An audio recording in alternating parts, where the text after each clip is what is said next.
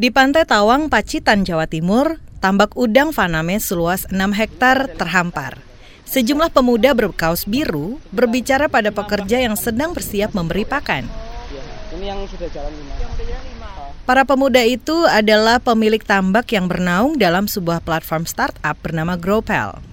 Paundra Nurbaskoro, salah satu pendiri Growpel bercerita, sejak terbentuk pada Desember 2016, sudah ada enam area sebaran tambak budidaya – Malang, Jember, Karimun Jawa, Situbondo, dan Blitar.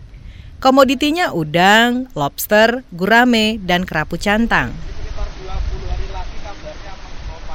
Tambak-tambak yang dikelola Gropel, kata pemuda 24 tahun ini, merupakan bisnis perikanan go online. Berbasis aplikasi, Gropel mencari investor untuk kemudian urunan minimal Rp500.000 per orang. Uang yang terkumpul itu nantinya bakal membiayai proposal usaha yang diajukan petani ikan. Istilah bisnis itu disebut crowd investing. Di crowd investing ini biasanya kami peruntukkan untuk para petani-petani ikan yang kemudian mengajukan proposalnya untuk bisa kita danai.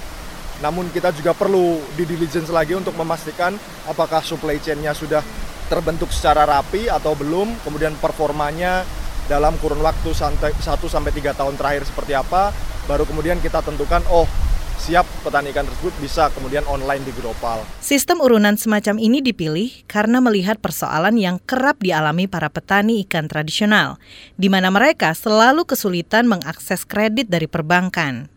Untuk mengusahakan satu unit tambak saja, butuh biaya 50 juta rupiah. Sementara bank hanya bisa memberi setengahnya. Itu diakui Heri Setiobudi, petambak udang di Pacitan. Misalkan warga punya lahan, udah bisa bikin, misalkan udah bikin kolam atau mungkin udah bikin petaan, ternyata kok terkendala masalah produksi. Mereka udah bikin bisa bikin tambak, tapi nggak bisa produksi. Lah akhirnya kan cari bantuan. Gitu.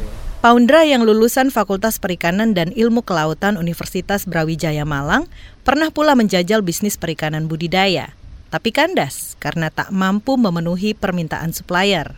Kegagalan itu menjadi pengalamannya melahirkan Growpel.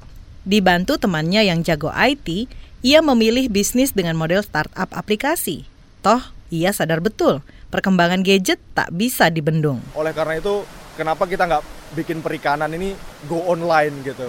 Nggak cuman sekedar bagaimana kita cara memasarkan ikan ke pasar gitu atau dapat dibeli oleh end user tapi benar-benar dari hulu ke hilirnya.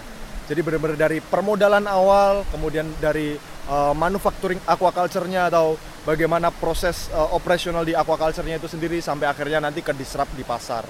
Di Gropel Poundra menghubungkan investor, petani ikan, pembeli Total investor yang bergabung di sini kira-kira sudah 1.400 orang dengan total nilai investasi yang telah tersalurkan sebesar 12,5 miliar rupiah.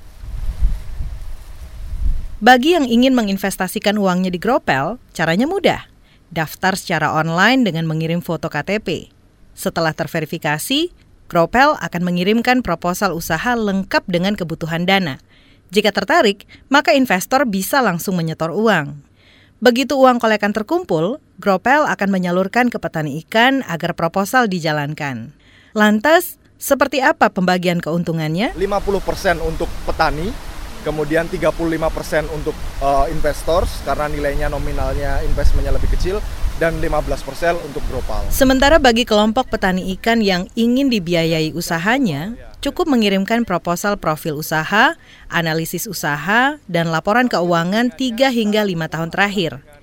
Dari situ, Gropel akan mengecek dan menghitung besaran biaya yang diperlukan untuk mengejawantahkan. Nantinya mereka yang mengajukan berapa kebutuhannya? Begitu? Betul, betul. Jadi mereka memiliki aset tetap seberapa, luas tanah, kemudian uh, produksinya itu dari tahun ke tahun berapa, pada tepar, pada tebarnya per meter persegi, Kemudian dari situ ada tim kami, tim surveyor internal kami yang kemudian cross check kebutuhan di lapang seberapa totalnya, berdiskusi langsung dengan petani yang mengajukan proposal tersebut. Dari situlah nanti muncul angkanya yang kemudian kita angkat di platform global untuk bisa di crowd investing bersama-sama.